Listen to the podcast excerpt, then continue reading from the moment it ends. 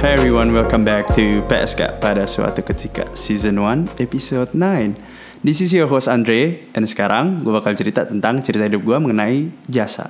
Karena menurut gue jasa di Indonesia sangat tidak dihargain Compare ke negara-negara lain. Jadi gue bakal mungkin kasih pandangan hidup gue Tentang tentang jasa in general Terus kayak mungkin ada alasan-alasan kenapa sih orang itu nggak gak ngargain gue. Nah itu tuh. Gue pernah ada di posisi itu Di posisi di mana uh, gue pernah nggak ngehargain jasa dan gue pernah ngehargain jasa yang maksud gue sekarang gitu.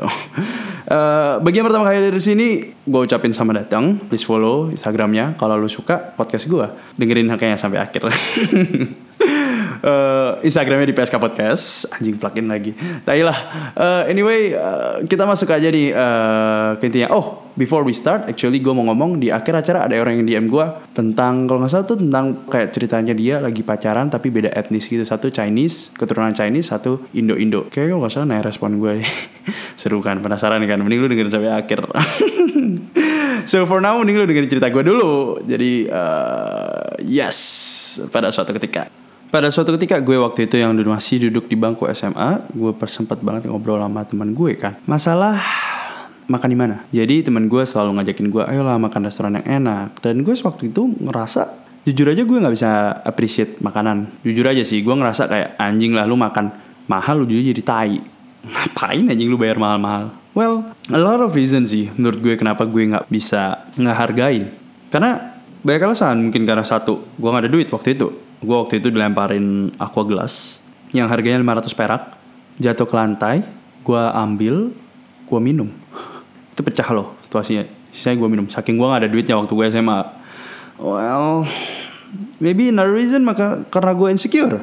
Bisa jadi karena waktu itu eh, nilai art gue oke okay, gue cerita ini lucu sih. Jadi nilai art gue terendah satu angkatan. Mungkin karena gue insecure gue kata-katain orang-orang yang ngambil desain grafis or any sort of kayak art gitu loh art things gitu yang kayak anjing lah lu makan apa tay padahal sekarang yang desain grafis banyak banget yang dapat duit banyak tay anjing lah. Dan ujungnya gue suka banget lagi sama desain grafis. Anjing lah. Aduh. Mungkin karena gue insecure sih waktu itu sih. Ya sama kayak bullying kan? Kenapa orang bully rata-rata? Insecure tay banyak alasan sih banyak alasan. Yang menurut gue uh, bisa jadi penyebab orang nggak bisa ngargain art sendiri well gue sekarang jampi-jampi sih anjir ya. Kayak bakal lompat-lompat. Ya uh, eh, gue ceritain banyak cerita sih. Sebenarnya gue banyak cerita sih tentang kejadian gue tentang gimana gue appreciate service. Mungkin cerita pertama gue bisa ceritain. Kita tuh sering kali ngelihat restoran tuh cuman sebatas oh ingredientnya apa dimasak apa lo makan apa. Sebenarnya nggak bisa cuy. Banyak hal yang lu nggak lihat. Banyak faktor yang mempengaruhi harga harganya kenapa sebuah restoran bisa dihargain lebih dari yang lain jadi waktu itu gue kerja di salah satu restoran Indo terkenal di Amerika di Saratoga. Lu bisa Yelp itu. Asik gue sekarang promosi tempat kerja gue. Jadi uh, gue sayang banget sama tempat itu karena tempat itu udah kasih gue nafkah untuk gue survive di kuliahan dulu itu gaji gede banget loh gue dapet sekitar kayak 150 dolar well gue dapet 80 dolar terus 70 dolarnya tip Gila gak lo? 70 dolar tip loh. Setengah gaji gue 70 dolar waktu itu dolar 12 atau 13 ribu. 12 ribu deh kayak waktu gue kerja. 11 12 ribu. Ya ya 800 ribu lah gue dapet dari tip doang satu hari loh. itu banyak banget loh. Gue bisa bilang gue kerja sebagai pelayan. Gue seneng banget sih kerjanya. Mungkin ada kalau lu udah pernah baca tuh sebenarnya tipping adalah sebuah rekayasa. Sebuah manipulasi dari restoran-restoran gede di Amerika dulu Makanya di Amerika tuh sekarang ada budaya tipping. Kalau lu ke Amerika jangan lupa kasih tip lo ya. Lu ntar dikejar sama orangnya. Jadi uh, itu orang dulu tuh pingin underpaid para staffnya. Makanya mereka buat sistem tip. Jadi ya oke. Okay. Menurut gue ada positifnya sih. Dengan adanya tip ini, gue ngelihat restoran itu bukan cuma sebagai oh ingredientnya apa, hasilnya apa. Bukan semacam kayak cuman itu doang gitu. Bukan cuma restoran dan rasanya. Tapi dengan adanya tip, restoran tuh jadi sebuah tempat kayak lebih ke arah show gitu. Kayak mungkin gue bisa bilang recreational gitu ya. Kayak lu tempat refreshing. Soalnya gue ngerasa restoran di Amerika tuh lu dateng lu servisnya baik banget. Terus tempatnya suasananya dekorasinya kayak bener-bener sangat mendukung lu buat lu ngerasa nyaman di tempat itu. Makanya gue suka banget sih. Restoran di Amerika menurut gue bagusnya di situ. Dan apakah lu bisa menghargain? Kalau lu belum di situ belum belum ada di situasi gue gitu mungkin. Gak akan bisa. Jujur aja sebelum gue kerja di restoran sih gue kasih tip cuma 10% deh sejak gue kerja di restoran teman-teman gue banyak yang marah sih. Soalnya gue bagian biasanya gue bagian yang kayak ngitung-ngitungin kan. Gue biasanya kasih tip tuh kayak kadang 15 18 persen. Kayak anjing lu kasih tip nggak salah tadi gue bilang anjing kita group of five or six. Itu kerja capek banget loh yang di belakang layar. Kayak mereka kerja wah pusing banget. Karena gue udah pernah ngerasain gitu. Jadi gue bisa menghargai mereka lebih. Jadi mungkin bagi orang yang nggak pernah ngerasain hal ini sangat susah sih ya buat buat lu pada kayak yang belum pernah ngerasain kayak ngargain hal ini. Eh uh, gue kan sekarang kerja bengkel kan gue pernah ngobrol sama salah satu bengkel besar di Surabaya di Surabaya Barat di HR Muhammad harusnya lo tahu. Gue ngobrol sama manajernya gue panggil koh susah ya kadang kerja service gue curhat aja gitu. Gue banyak banyak masa-masa kecil lah kayak masalahnya tuh kadang ada orang komplain segala macam susahnya jasa kayak gitu jujur aja. Terus kayak dia bilang hal yang lucu banget. Menurut gue ini this is so fucking true kayak eh gue sih jujur aja ya kayak aku tuh jujur aja lo ya pakai bahasa Jawa gitu aku tuh pinginnya orang-orang itu rasa no ngerasain kayak aku gitu. Dia intinya dia ngomong kayak gitu. Kayak dia pingin semua orang customer dia tuh ada di posisi dia.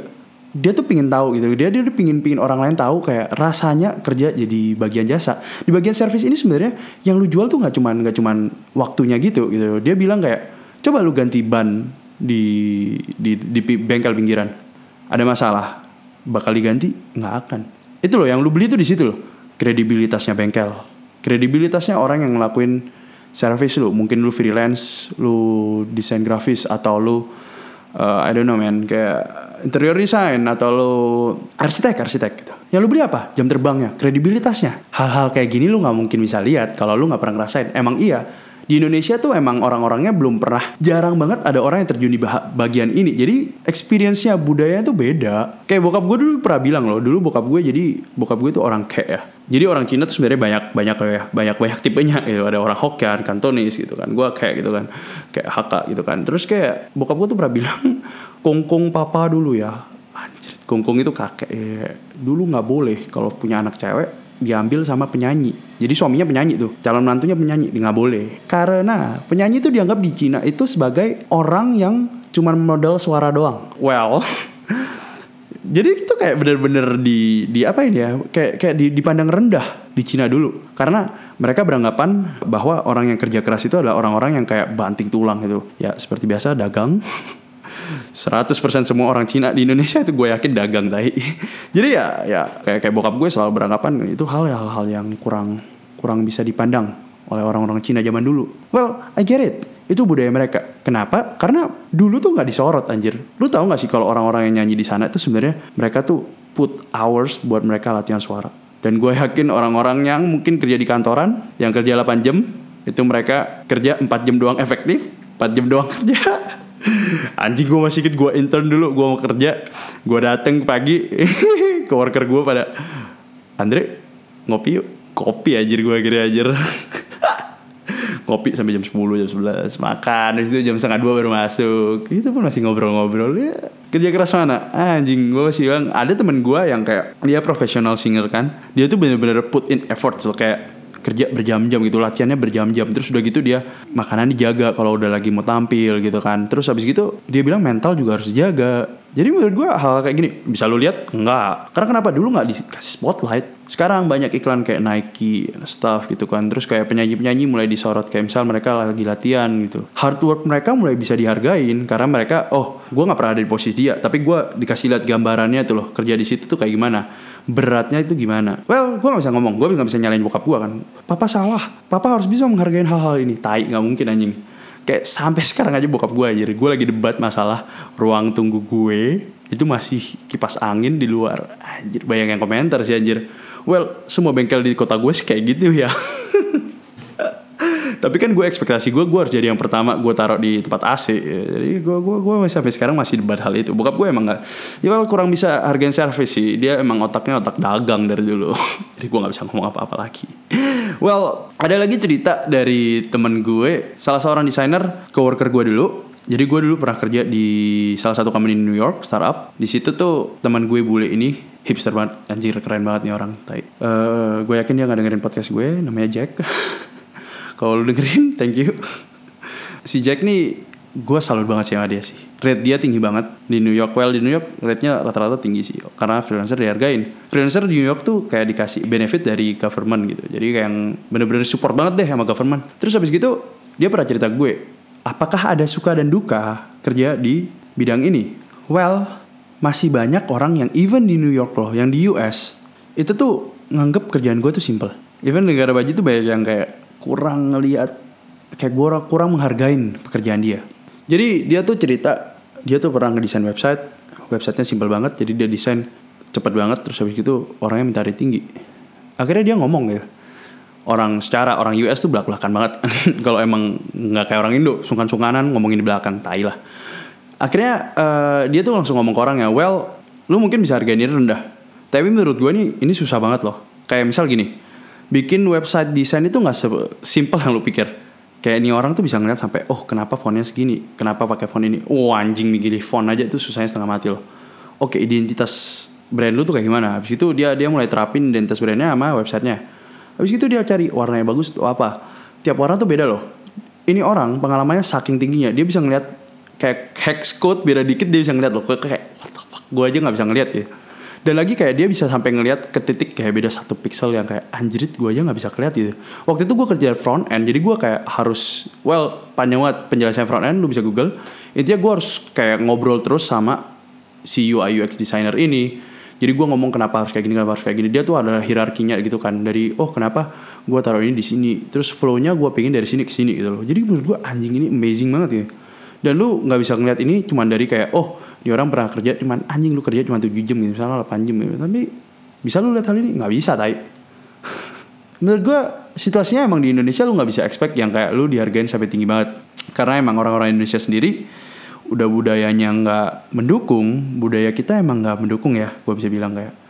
Kalau lu ngomong ke nyokap bokap lu kayak gue misal pak Andre mau kuliah uh, musik gitu. Anjing gue bisa ditampar tadi atau gue mau kuliah apa ya animasi gitu. Kalau lu di luar sana lu sangat dihargain sih anak-anak. Oh ya udah nak ambil aja gitu. Kalau di sini lu bisa tapar kali tadi. Ya susah sih ya kayak eh, lu minta dihargain emang emang susah di sini karena situasinya emang kita duit kita aja nggak cukup gitu. Kalau lu misal kayak restoran, wah restoran di sini lu kasih harga cetiau gitu satu juta, terus kayak harga UMR sini aja berapa? UMR Jakarta 4 juta kali. Kayak satu juta udah 25% gaji dia, nggak mungkin kan? Jadi ya, ya menurut gue tetap ada harganya, tapi ya emang harganya lu nggak bisa expect setinggi di luar karena UMR aja udah beda. But ya banyak banyak alasan sih kenapa orang bisa ngargain. But ya those are the things that I believe yang ngaruh banget sama orang. Jadi sebelum lu nilai atau menghargain karya orang, banyak hal yang lu harus consider sih. And buat lu yang ngerasa orang itu nggak ngargain lu, banyak juga hal yang consider apalagi orang Indonesia banyak variabelnya yang buat mereka nggak bisa ngargain lo. Jadi well uh, I don't know. Lo situasional banget sih situasi kayak gini. Just live with it lah tai. But yeah that's that's my story though. Uh, I guess that's it for podcast today. Kita lanjut aja ke cerita yang gue mau ceritain. Ya kita sekarang ada udah di penghujung acara. Di sini gue bakal baca DM DM yang masuk di oke okay, let's see here. Coba gue cek dulu. Ya ini ada yang masuk dari M Alif Syah yang kirim gue DM minggu lalu. Kalau nggak salah siapa nih? Muhammad Alif bener. Si Alif dia dari Malang kalau nggak salah ya. I'm pretty sure yang dari Malang. Uh, dia bilang Mas bro rekomendasi podcast yang bagus dong Utamanya tentang kehidupan, humor, relationship. Anjay. Aduh kalau misalkan podcast yang bagus tentang hal ini Gue cuma dengerin satu sih gue cuma denger satu podcast awal minggu. That's it. Itu menurut gue fuck itu bagus banget. Itu endingnya dia dia selalu ngomongin tentang relationship tapi lucu-lucu dan asik. Jadi lu harus dengerin si Adriano Kalbi dia stand up comedian dulu. Lu harus dengerin lu harus dengerin pasti. Gue nggak promise kalau lu mau yang lebih technical ya gue sih suka The Minimalist. The Minimalist sih gue anjing lah. Itu lifestyle yang gue pingin ikutin banget sampai kalau bisa. Gue gue pingin gue mati. Gue bisa nganggep diri gue tuh seorang minimalis yang lu nggak peduli bacotan orang dan lu cuman enjoy the life lu lu nggak pernah lu nggak spend ke barang-barang yang nggak nambah value di hidup lu. Anjing gue suka banget tai. Podcastnya bagus banget sih. Lu harus dengerin. Gue dengerin itu doang dua sama 30 Days of Lunch. Si siapa sih? Gue udah dengerin itu sih lately sih. Gue juga lupa. Sheriff siapa sih nama itunya? Pembawa acaranya tuh dia punya curhat babu kalau nggak salah. Gue inget tuh Alex Felix Felixandro dan Segario. Nah Segario ini kalau nggak salah dia punya curhat babu. Dia cerita hidupnya sama kayak gue kuliah di Aussie terus lanjutin kerjaan bokap. Dan dia kayak sharing-sharing gitu. Gue suka banget sih sama dia sih. Kayak oke the first thing yang gue dengar dari podcast tuh kualitas suaranya harus bagus. Kalau gue udah denger kayak kualitas suara jelek anjir gue mager banget. Nggak nggak harus bagus at least clear gitu loh yang kayak kalau lu pakai rekaman HP lu lu deketin mulut gitu. Pakai rekaman kalau nggak salah iPhone udah bagus banget menurut gue. Asal lu deket mulut lo ya itu udah bagus banget loh tapi dan kalau misalkan lu orang yang kayak pasang background musiknya kekerasan sampai gue susah banget denger suaranya. Anjing gue udah mager banget sih. Atau kalau ngomong kejauhan dari mic noise nya masuk semua itu gue udah mager. Jadi kalau misalkan yang the first thing ya gue dengerin ya gue cari itu dulu. Kok gue off topic tadi? But ya eh, dia kirim gue dua DM sih. But ya itu gue rekomendasi podcast awal minggu The Minimalist sama 30 Days of Lunch so ya yeah, that's it. Dia dengerin dari Anchor. Oh ya dia dikirim DM lagi. Ah barusan denger podcast ini waktu denger ini pikiran gue langsung melanglang buana ke mana-mana anjay. Jadi dia cerita gue bisa menemukan kekeluargaan dari orang yang tidak ada garis keturunan dari pacar teman atau siapa pun yang hadir dalam hidup kita. Bagus mas. Ditunggu minggu depan. Asik. Ya gue setuju banget sih. Kalau misalkan lu bilang lu bisa dapat keluarga nggak cuman dari garis keturunan atau darah lu itu gue setuju banget. Ya emang gue omongin sih anjing ya kayak gue ngerasa teman beberapa teman gue tuh gue udah anggap keluarga sendiri. Jadi ya dan itu yang gue bilang karena memorinya bukan karena darahnya. So that's the first DM and I also got DM from who else?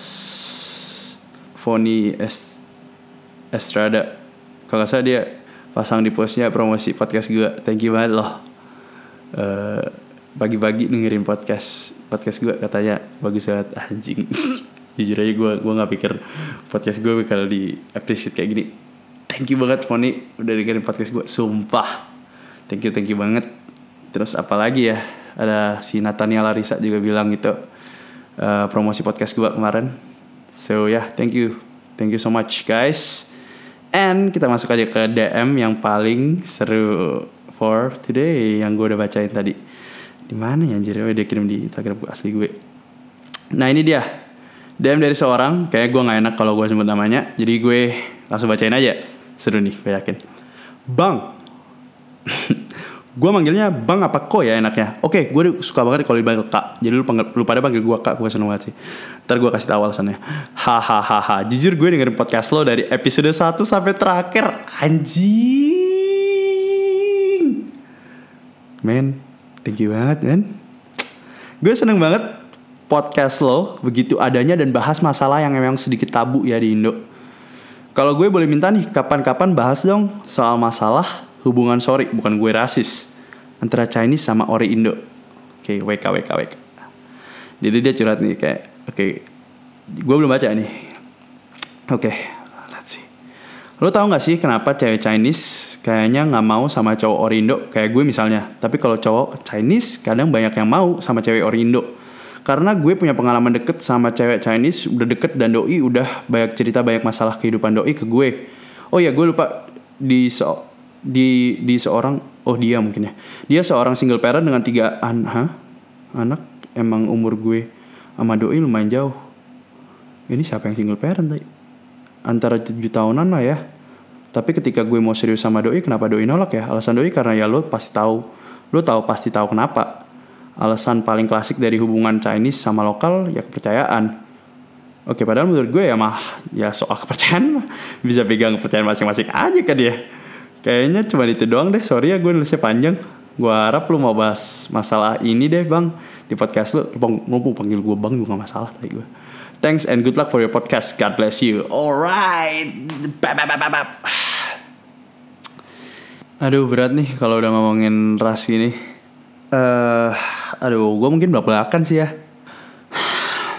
Hmm, gimana ya? Mungkin yang lu susah sih gue jujur ngomong kali ini.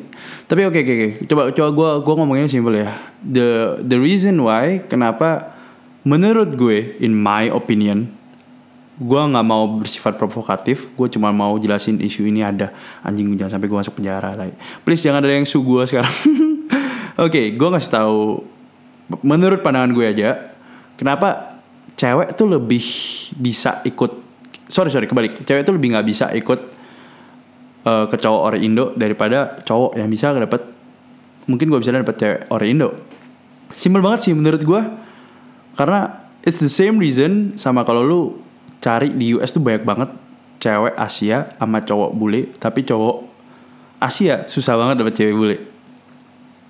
That's the exact same reason. Menurut gue lebih ke status sosial sih ya. Well not status sosial well status sosial karena ekonomi gitu. Karena emang status ekonomi di Indonesia ini separasinya kayak kayak the different between like the Chinese and Chinese Indonesian and Indonesian native Indonesian itu emang secara ekonomi aja udah beda. Gue nggak bilang semua kayak Chinese Indo itu tajir ya, banyak banget loh teman-teman gue yang kesusahan ekonominya, tuh yang kurang berkecukupan banyak banget. Cuman coba lu lihat nih, gue aja Google nya, lu Google search sekarang, lu tulis why Chinese Indonesian anjing tuh kan keluar paling bawah nih. Kalau lu nggak percaya gue bisa screenshot sih. Why Indonesian Chinese so rich? Even temen gue ada yang datang gue ngomong kayak kenapa sih kayak Chinese Chinese pada tajir gitu. Even bokap gue ngomong loh kayak kayak kalau lu Chinese Indonesian terus lu nggak ada duit, wah lu mati sih.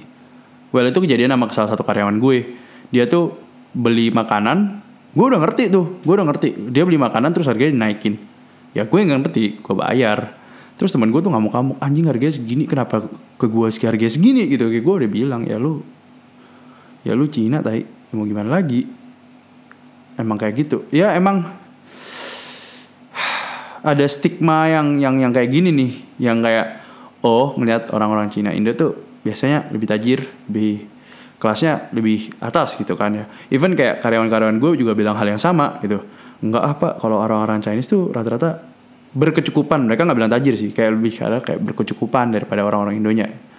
Yang bikin mungkin karena hal ini juga gitu kayak anjir lu udah pendatang, lu malah lebih tajir gitu kan. Ya gue balik lagi untuk ke situasi lo yang cewek cewek Chinese kenapa nggak mau cowok cowok orang Indo? Karena ya gitu beda status sosial. Kan kalau cewek harus dapat status sosialnya lebih tinggi status ekonomi dia lebih tinggi gitu. In which dia harus dapat Chinese juga. Karena di Indo notabene-nya itu Chinese Indonesian itu lebih tajir. Ya nggak sih? That's the issue loh. Even stigma kita aja kayak gitu. Yang buat kita kadang kayak as a Chinese Indonesia kita biarin hal itu kayak oh iya gue Chinese Indonesia. Kadang oh iya gue harus bayar lebih buat things misal kayak lu harus nyogok karena lu Cina lu harus bayar lebih. Stigmanya udah kayak gitu gitu loh. Jadi emang susah banget kalau lu ngomong kayak suruh cewek Chinese mau sama cewek cowok Indo. Sedangkan kalau cowok sorry aduh gue kebalik terus nih. Kalau cowok Indo sorry aduh tai lah. Kalau cowok Chinese sama cewek orang Indo kan stigmanya udah kayak status ekonomi yang cowok lebih tinggi secara stigma yang kita percaya. Jadi otomatis nggak apa-apa gitu emang susah sih kalau ngomongin ras tadi gue paling malas nih kalau ngomongin kayak gini-gini. Tapi gue ada interview lagi minggu, minggu depan kayak gue post deh.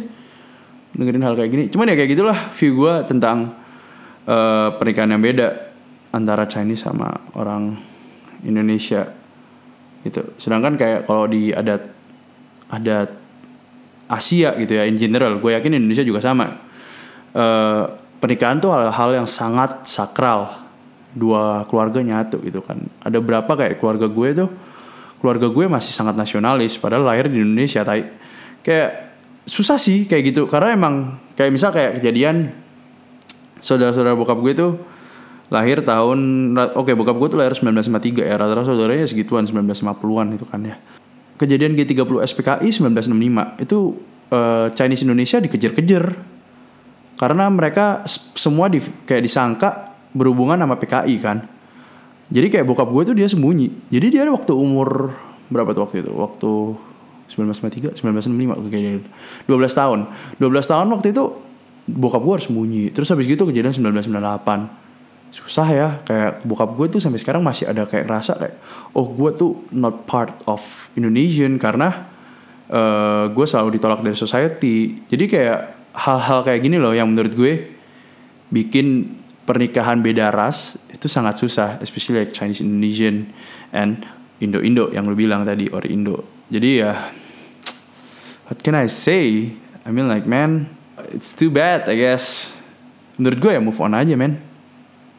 Kalau masalah kalau dia bilang kayak kepercayaan mah memang benar kata lo kepercayaan bisa ganti-ganti. Aduh gue kesel banget sih jujur aja sama sistem kepercayaan sama pernikahan di Indonesia tuh. Well gue nggak bilang kepercayaannya yang salah sorry. Kayak sistem di mana Indonesia itu lo harus sama. Lu nggak harus sama kok agama lu. Tapi iya anjing lu harus dapat kayak izin nikahnya dari tempat ibadah. Rata-rata tempat ibadah nggak mau kan. Kalau misalkan beda agama mereka nggak mau nikahin lu itu atas nama tempat ibadah mereka. Jadi ya aduh lah sama aja bohong susah banget kan kalau masalah agama bener kata lo sih kepercayaan bener kata lo itu bisa berubah menurut gue itu masalah ras sih teman gue juga ada yang pernah bilang kayak gitu sih kayak anjing lah nyokapnya tuh sampai nangis nangis aja kayak aduh nak kalau kepercayaan mah kita bisa doain tapi kalau udah ras ethnicity mau doain sampai mati juga gak ganti-ganti. Bener juga anjing tante. Ya gak bisa ngomong ya anjing. Aduh repot sih ya. Kalau kayak gitu tuh repot banget. Gak bisa ngomong gue kalau masalah ras lah. Banyak yang udah oke okay sama hal itu, banyak yang juga udah masih sorry bukan udah masih dendam. Jadi beda-beda lah tiap orang. But ya anyway anjing lah berat banget. Anyway next week gue kalau gitu gue bakal post interview gue sama kakak teman gue yang kalau lo denger di episode 7 please follow instagramnya PSK Podcast please follow Instagram PSK Podcast. Please follow Instagramnya PSK Podcast. I don't know what to say no more. So I'll see you guys next week, next Wednesday. Bye bye.